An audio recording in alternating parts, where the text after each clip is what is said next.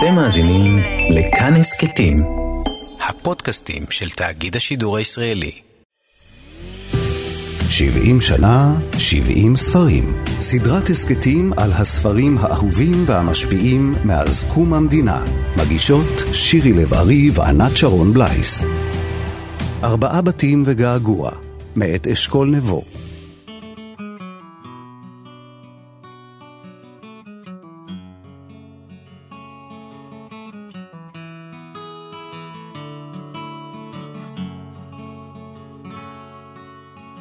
בסוף הוא הוציא את כל הרהיטים שנשארו לרחוב. חבר היה אמור לבוא עם טנדר לאסוף. בינתיים חיכה, התיישב על ספה, קילף תפוז ישן, כרסם את הקליפה. שכן אחד שטף את המכונית, התעכב על הטמבון.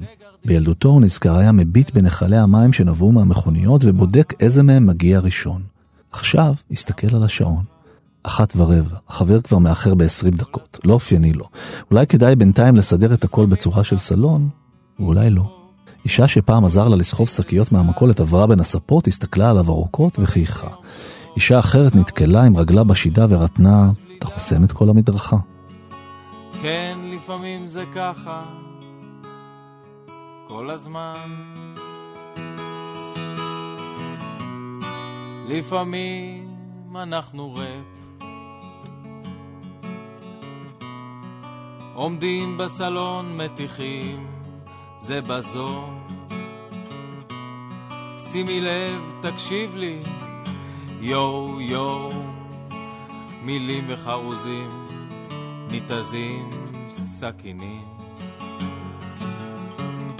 בית הוא נושא כל כך ישראלי, וגם אשכול נבו הוא סופר כל כך ישראלי, כך שכשאשכול נבו החליט לכתוב ספר על בית, זה היה בינגו. ספרו ארבעה בתים וגעגוע מ-2004 זכה להצלחה רבה.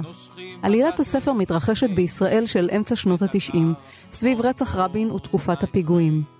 היא מתארת את חייהם של כמה זוגות המתגוררים בשכנות במעוז ציון, שכונה סמוכה לירושלים. את העלילה מספרות הדמויות השונות, כל אחת מנקודת מבטה. אמיר ונועה הם זוג סטודנטים. הוא לומד פסיכולוגיה, היא לומדת צילום. משה וסימה הם השכנים שלהם. משה נהג אוטובוס, סימה עקרת בית ויש להם שתי בנות.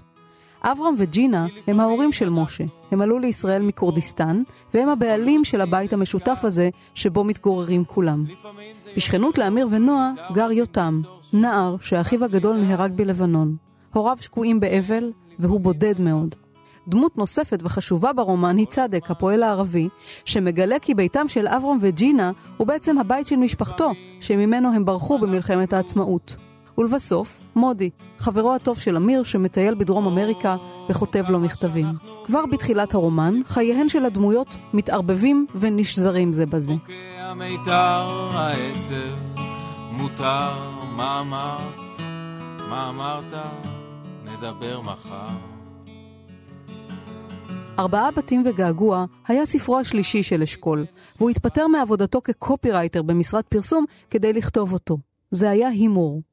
אני יושב לי בבית ולא אגיד שהגעתי לפת לחם אבל אה, אני לא יודע אם היה לי אומץ לעשות את זה היום כשיש לי שלוש ילדות שלוש בנות אז היה טרום ההורות. והתפטרתי והכנסתי לתהליך כתיבה מאוד אינטנסיבי ומאוד ולא פשוט גם היו המון משברי כתיבה בדרך ואתה שואל את עצמך את השאלה וזה כבר היה ספר שלישי. יש הדהוד למה שאני עושה? זה, זה משמעותי למישהו.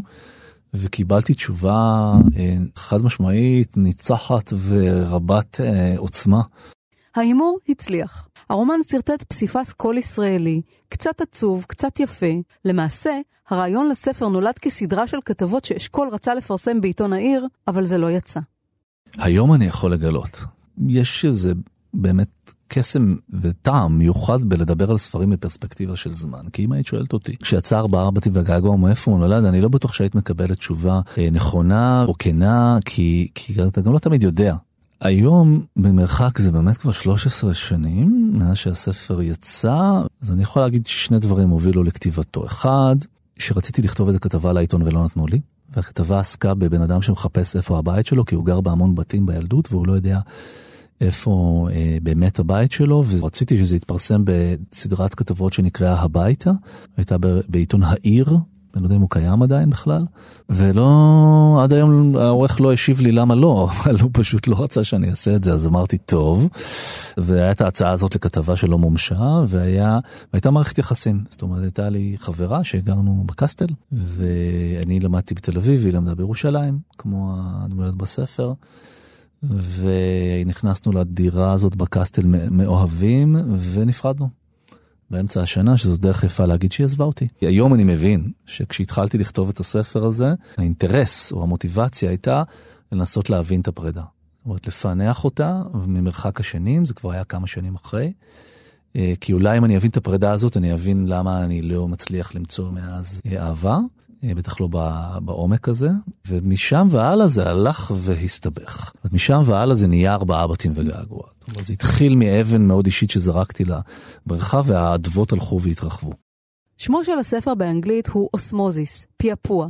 אולי משום ההשפעה ההדדית והזיקות בין הדמויות, בין הזוגות, והזליגה המתמדת בין הרובד האישי לרובד הלאומי. הספר מבוסס במידת מה על חוויותיו של אשכול מהשנים שבהן התגורר במבשרת ציון.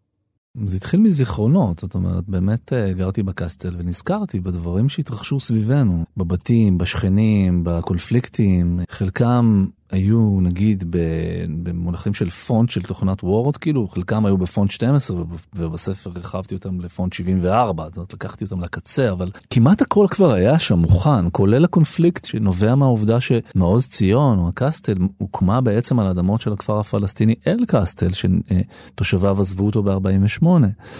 זאת אומרת, הכל כבר היה שם באיזשהו אופן, והעניין היה לראות או לקחת את הפעפוע ולכתוב אותו הרבה יותר חריף ודרמטי ממה שהוא קרה בחיים האמיתיים. זאת אומרת, לתת לדמויות להיכנס אחת לתוך החיים של השנייה ולתת לה מציאות של אה, תקופה שקדמה לרצח רבין, הרצח רבין והפיגועים של אחרי בירושלים, לתת לה מציאות גם לפעפע פנימה.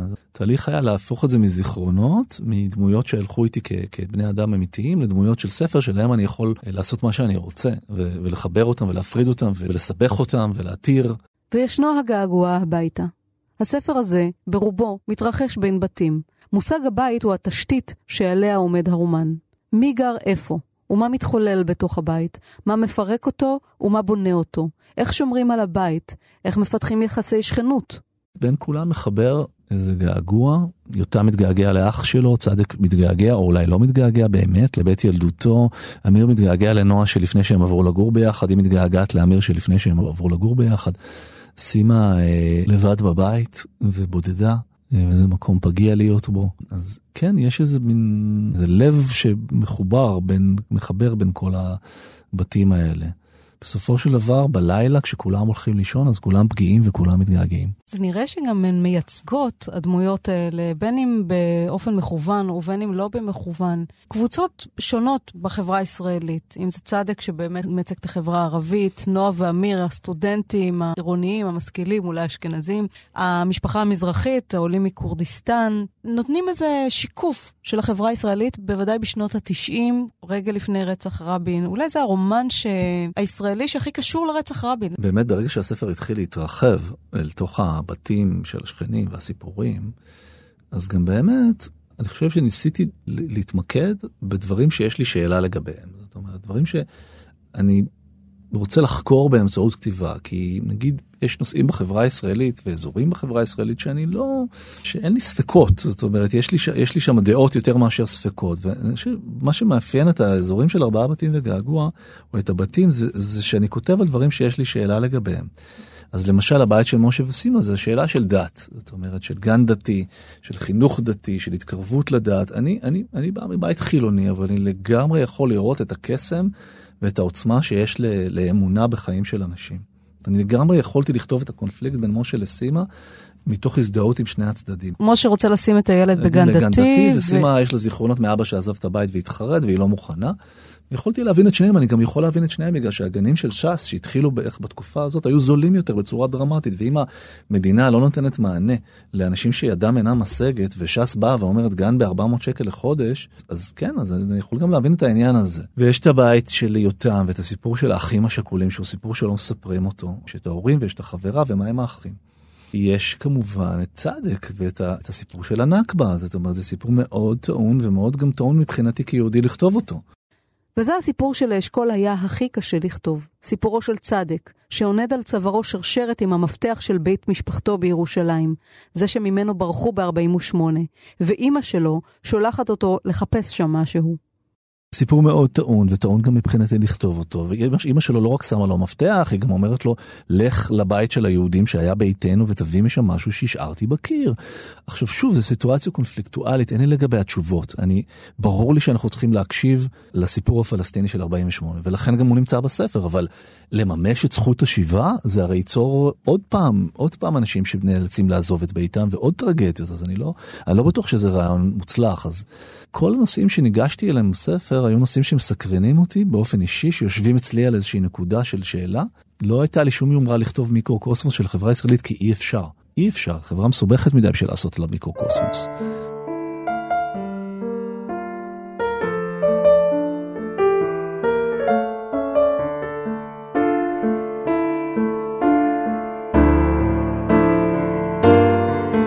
נסעתי לדוד כדי לנחם אותו על זה שחברה שלו זרקה אותו. בדרך, קצת לפני הסיבוב של מוצא, הודיעו ברדיו שרבין נורא ונפצע. עד שהגעתי הוא כבר מת. איתן הבר והכל. ישבנו בסלון מול הטלוויזיה ושתקנו. דוד נראה נורא, רזה, פרו השיער, כבוי עיניים. מאז שעברתי לקסטל לא יצא לנו להיפגש. הוא היה עסוק מכף רגל ועד קרחת בחזרות עם הלהקה שלו לקריץ, אני הייתי עסוק בהסתגלות לעובדה שאני צמד. קבענו כמה פעמים בטלפון, אבל כל פעם ברגע האחרון אחד מאיתנו ביטל.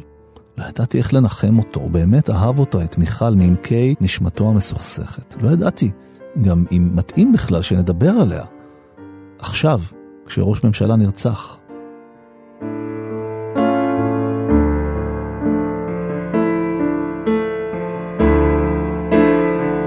בתחילת העלילה מתרחש בשכונה פיצוץ. שגורם למהומה גדולה בין תושבי הבתים. הפיצוץ הזה מהדהד את רצח רבין, את תקופת הפיגועים, אבל הוא גם מרמז על הפיצוצים בתוך התא הזוגי והמשפחתי. אמיר ונועה עומדים להיפרד, היחסים בין משה וסימה מתערערים. אבל מעל הכל, כך נדמה, רצח רבין הוא הציר המכונן של הרומן הזה, ציר הזמן שהכל נע אליו וממנו. תמיד שואלים מה הוביל לרצח רבין. איך זה קרה? מי אחראי? האם המילים שנאמרו, האם הרבנים שפסקו, האם, איך הגענו לזה? ויש גם את השאלה, מה זה עשה? זאת אומרת, איך זה נכנס וחלחל לתוך החיים של אנשים? באיזה אופן זה הפך אותנו למיואשים יותר, לאלימים יותר? העובדה שהאופציה הזאת מומשה, אופציית רצח ראש הממשלה מומשה, באיזה אופן זה הפך את החברה כולה על הסף כל הזמן של מימוש האופציה הזאת. אז גם, שוב, זו שאלה ש, שהיא לא פתורה אצלי, ולכן החלטתי למקם את הספר בתקופה הזאת כדי לבדוק את הפעפוע הזה, לבדוק מה, מה מפעפע ואיך. עורכת הספר, הילה בלום, נזכרת בכתב היד שקיבלה מאשכול נבו, ומספרת איך היא הרגישה לפתע שהיא חוזרת מחדש לשפת האם, העברית. זה משונה, כי, כי זה ספר שהפך לכל כך אה, איקוני, מין קלאסיקה מיידית. אפילו השם שלו, יש אה, ספרים שאפילו השמות שלהם הופכים לקלאסיים, למין איזה מטבע לשון כזה. רק היום נתקלתי באינטרנט בכותרת שהיא וריאציה על אה, תבנית השם הזה, אה, ארבעה בתים וגעגוע. התחושה בקריאה בו הייתה כמו כשיש לך שפת אם. ולצידה ישנן שפות שלמדת לאורך השנים ואת משתמשת בהן כמיטב יכולתך, ואז את חוזרת לעברית ומרגישה מין הקלה וחופש, כי היא גם צלולה לך וגם מלאה לך, כי את מבינה אותה על כל רבדיה ודקדוקיה וסדקיה ופינותיה. אז אותו דבר, כשקראתי לראשונה את ארבעה בתים וגעגוע, ובכלל, כשפותחים ספר של אשכול ומתחילים לקרוא בו, תחושת ההתמצאות בקריאה היא איכשהו אחרת, מוגברת. לא יודעת, אולי זאת הכנות שלו, או השמיעה האבסולוטית שלו לשיח בעברית, או איזה מין עין אה, ביונית אה, לדבר הזה שהרבה פעמים כשמדברים על הספרים שלו קוראים לו ישראליות. התחושה היא שהוא כותב עלינו בשפת אם, שרק כששומעים אותה מבינים כמה התגעגענו אליה. בלום אומרת שכישרון העל של אשכול נבו הוא היכולת ליצור אינטימיות מיידית עם הקוראים שלו. דבר מעניין הוא שהספרים שלו מדברים גם לליבם של המוני קוראים לא ישראלים, קוראים בכל העולם. הם מתורגמים ונקראים בהרבה שפות, ותמיד מסקרנת השאלה מה הם קוראים שם, מה כוח המשיכה של הספרים של אשכול לקוראים בכל העולם, מהצצה אלינו, אל האחר, או שזאת היכולת שלו גם לזהות ולתאר לצד המקומי והקונקרטי את המצב האנושי בכללותו. התשובה היא כמובן גם וגם, כי כישרון העל של אשכול כסופר בעיניי הוא היכולת ליצור אינטימיות מיידית עם הקוראים שלו, לא משנה מי הם ומה הם. וסיבה מרכזית לזה היא התחושה שאשכול תמיד יודע בדיוק, אבל בדיוק על מה הוא כותב ועל מה הוא מדבר, ושאפשר לסמוך על אה, מה שהוא מספר לנו. הילה בלום בוחרת קטע אחד אהוב מארבעה בתים וגעגוע, שלדעתה מייצג את מה שעושה אשכול בכתיבה שלו, לגעת באחרים. עד היום יש לי מקום מיוחד בלב לקטע ההוא מארבעה בתים וגעגוע, שבו משה, הבעלים של הדירה בקסטל, שאמיר ונועה, סטודנטים שוכרים, משה פורץ מין חור, מין אשנב בקיר הגבס שמפריד בין יחידת הדיור שהוא מזכיר להם לבין הדירה שבה הוא גר עם המשפחה שלו, כדי שגם השוכרים יוכלו להושיט יד ולהרים את המתג של הדוד. כי הדוד והמתג אמנם נמצאים אצל בעל הבית, אבל הם משרתים את שתי הדירות. ואז אשכול כותב, בכל פעם שנועה ואמיר רוצים מקלחת חמה, הם פותחים את מכסה העץ שמסתיר את החור שבקיר. משרבבים יד לתוך ביתה וחייה של משפחה אחרת, ומחזירים אותה שוב לטריטוריה שלהם ללא שהות מיותרת.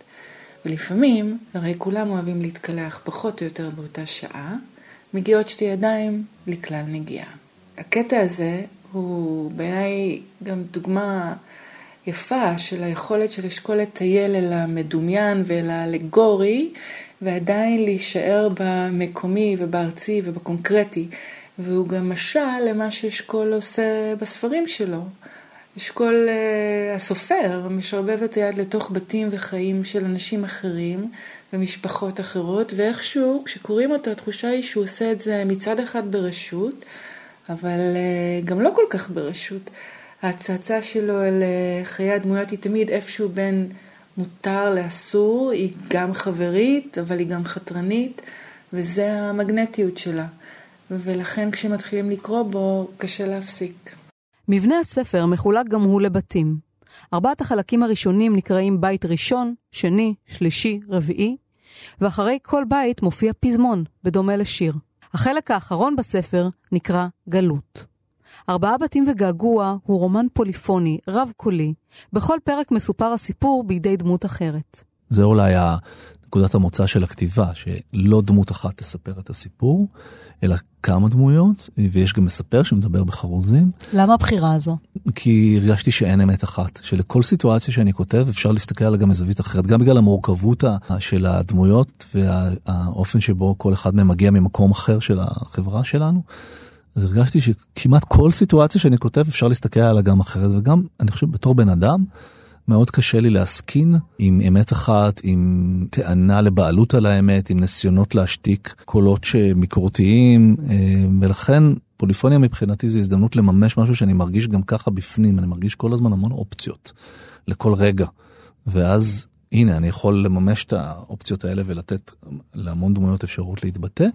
הבתים נועדו באיזשהו אופן להתמודד עם זה, עם זה שפוליפוניה זה כאוס, ובוא ננסה לעשות קצת סדר ולהכניס את כולם לתוך איזה בית. אולי זוהי מחווה להמאהב של א' ב' יהושע, או קופסה שחורה של עמוס עוז. זה ברור, מה שאמרת הוא ברור לחלוטין, אבל הוא לא היה ברור לי תוך כדי כתיבה. זאת אומרת, עכשיו אני מסתכל בדיעבד ואני רואה, רואה את זה לגמרי, אני רואה את המאהב שם, בוודאי במבנה הפוליפוני ולא רק, גם הכתיבה על חיפה, זה ספר ירושלמי, אבל הרב בית יהושע כתב על חיפה, וגם אני כותב על חיפה הרבה. אני חושב שכל מי שבגר אה, ספרותית בדור שלי, א' בית יהושע, עמוס עוז, זורמים לו בדם. זה בדם, אנחנו באופן לחלוטין לא מודע, אנחנו נקבל השראה מזה, וזה יפה בעיניי.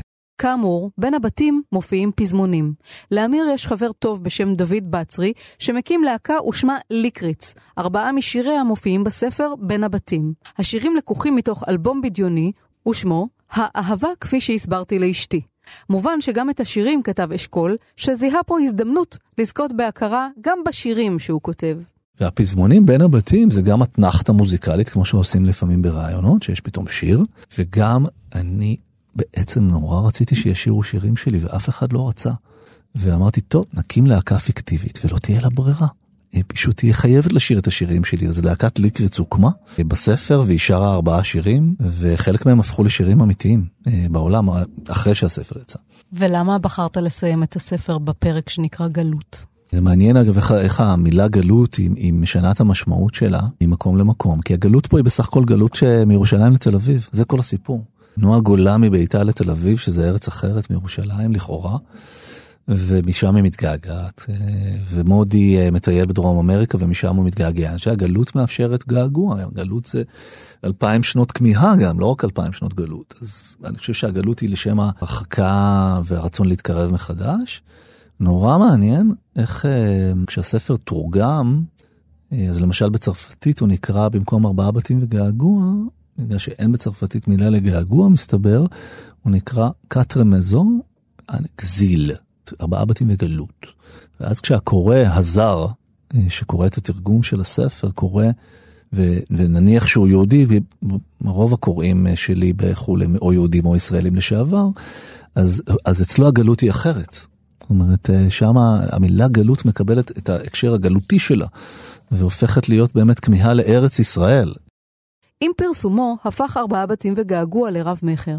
הביקורת שיבחה, והוא תורגם לשפות רבות. מה לדעתך היה סוד ההצלחה של הספר? לא יודע, לא יודע, אני הייתי בטוח שהוא ייכשל. ויש לי עדים לזה. זאת אומרת, יש אנשים שקרובים אליי, שאמרתי להם, והם זוכרים את זה עד היום וצוחקים עליי. אני הולך להוציא ספר ירושלמי, אינטימי, מורכב במבנה שלו, תובעני לקורא, נטול עלילה של ממש, היום כבר אפשר להגיד את זה. זה ספר שיש לו עלילה מינורית מאוד. כל ניסיונות לעשות לו אדפטציה לקולנוע ותיאטרון כשלו ולא במקרה, כי אין סיפור במובן האינטנסיבי של סיפור. ואני מבחינתי הוצאתי ספר כי הרגשתי שאני חייב להוציא אותו ושאוקיי אז יקראו אותו שלושה ארבעה אנשים רובם יהיו ירושלמים כנראה ואין לי מושג למה הספר הזה הצליח הוא שינה את חיי זה קו פרשת מים בחיים שלי הספר הזה אני מביט בו הוא נמצא כאן על שולחננו ארבע הביצים שעל על הכריכה ואני... כי הוא הפך אותך לסופר באיזה מובן הוא שינה את חייך? כי הוא סגר את השאלה האם יש שדהוד למה שאני עושה. וזו שאלה חשובה ליוצר. הזכרנו את זה שהספר נלמד לבגרות, אז זה אומר שעד היום אני מקבל על ארבעה בתים וגעגוע מכתבים מקוראים צעירים.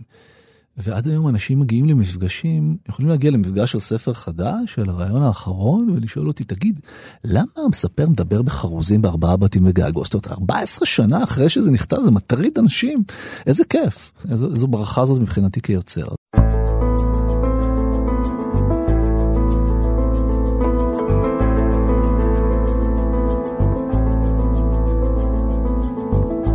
שיר נסיעה אחרי שנים שלא נסעתי, אחרי יותר מדי זמן, שהייתי מקצוען, שהייתי נאמן, שהייתי, לא הייתי.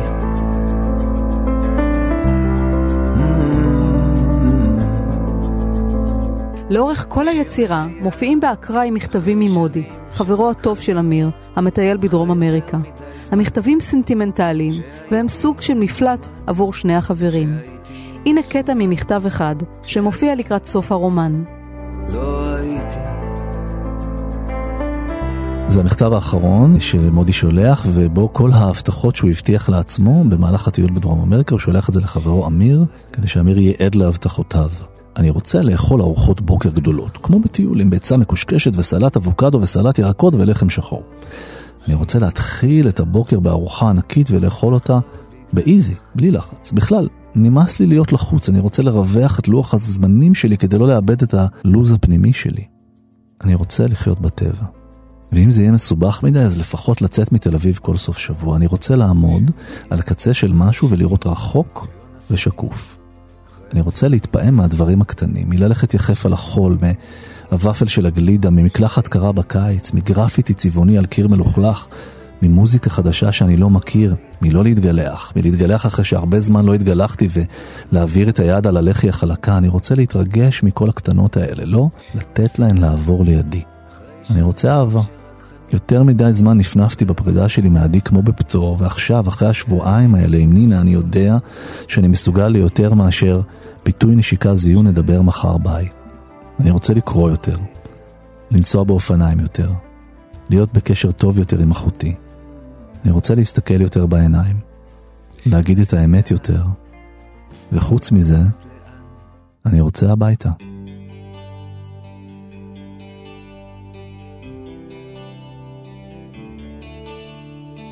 נראה שארבעה בתים וגעגוע הוא רומן על העצב המתוק שבלהיות ישראלי. הוא לוחד תקופה מסוימת בחיי החברה הישראלית, אבל נוגע גם במערכות יחסים בין אישיות, בכמיהות, בחלומות, בתשוקות, בפחדים, ובעיקר בתקוות.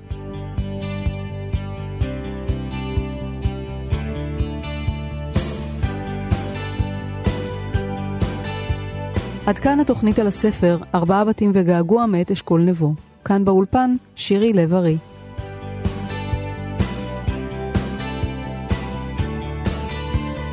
גשם כבר יורד וזה חורף, תל אביב חסומה וגם חיפה. של ילד של, אני אומר לך ש... ושנינו נוסעים בדרכי עפר. מביט מבעד לזגוגית, יש לנו ארץ למה עוד אחת. בחוץ שקיעה של יום שני, וערבים מתפללים כי איזה חג. חבר למין מסע כזה בחורף מסתכל בי, רגליו קצרות אבל ראשו חכם. אנחנו במנוסה, הכל פה זז אומר לי, אתה גם אבא, אתה גם בן אדם. מביט מבעד לזגוגית, עיניים יש לו רגישות, כן כן. מוזר איך האויב הזר, נראה לו אנושי וגם פוחד. יש לי אישה, זאת אימא שלך, ניסע ניסע אולי עד מחר. אם לא נאט, לא נביט, לא נשים לב לפרטים, לא נגיע לארץ חדשה. לא נגיע, נגיע, נגיע לארץ חדשה. שתי כבשים עולות על אם הדרך, לא נדרוס אותן, אנחנו לא דורסים. שב ילד שב, אני אומר לך שחלב בשפע זה לא אומר ניסים. שולף מצלמה של כיס, חושב שגן העדן מדויק. מכחיש שקר לו, הוא מצלם כדי שנזכור מה שהיה. קראתי בעיתון על אחת בת מאה, שכל חייה עשתה מעשים טובים. שב ילד שב, אני אומר לך שלא כל האנשים נולדו רעים. מזמן היא מתה די מזמן, אביך הוא ימות גם יום אחד. לא גן העדן, לא קיים, אולי קיימת ארץ חדשה. יש לי אישה, זאת האימא שלך, ניסע ניסע אולי נגיע עד מחר. אם לא נאט, לא נביט, לא נשים לב לפרטים, לא נגיע לארץ חדשה. לא נגיע, נגיע, נגיע לארץ חדשה.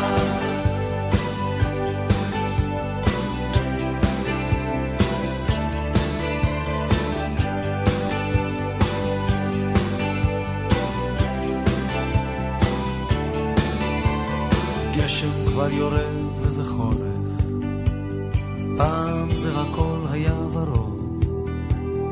שב ילד שב, למה להתרפק? משהו חורק בזיכרון. מביט מבעד לשלטים, עיניים יש כדי להסתכל. תגיד, שואל אותי האם, האם ייתנו לנו בכלל להיכנס? חברים למין מסע כזה בחורף כבר חסר לי, אבי ישן זקן ומסתגר.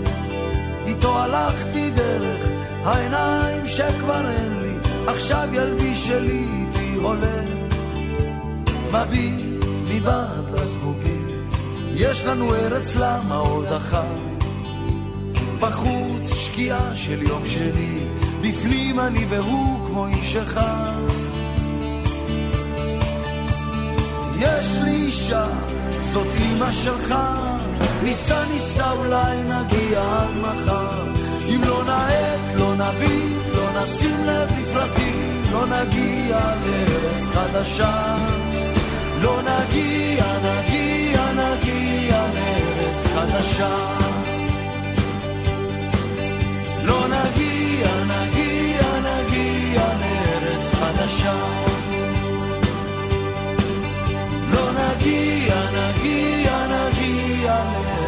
חדשה.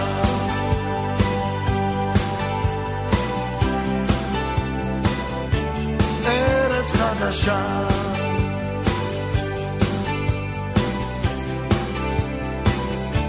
ארץ חדשה.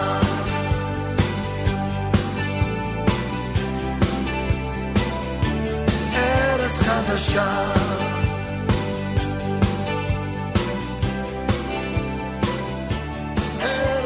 deixar.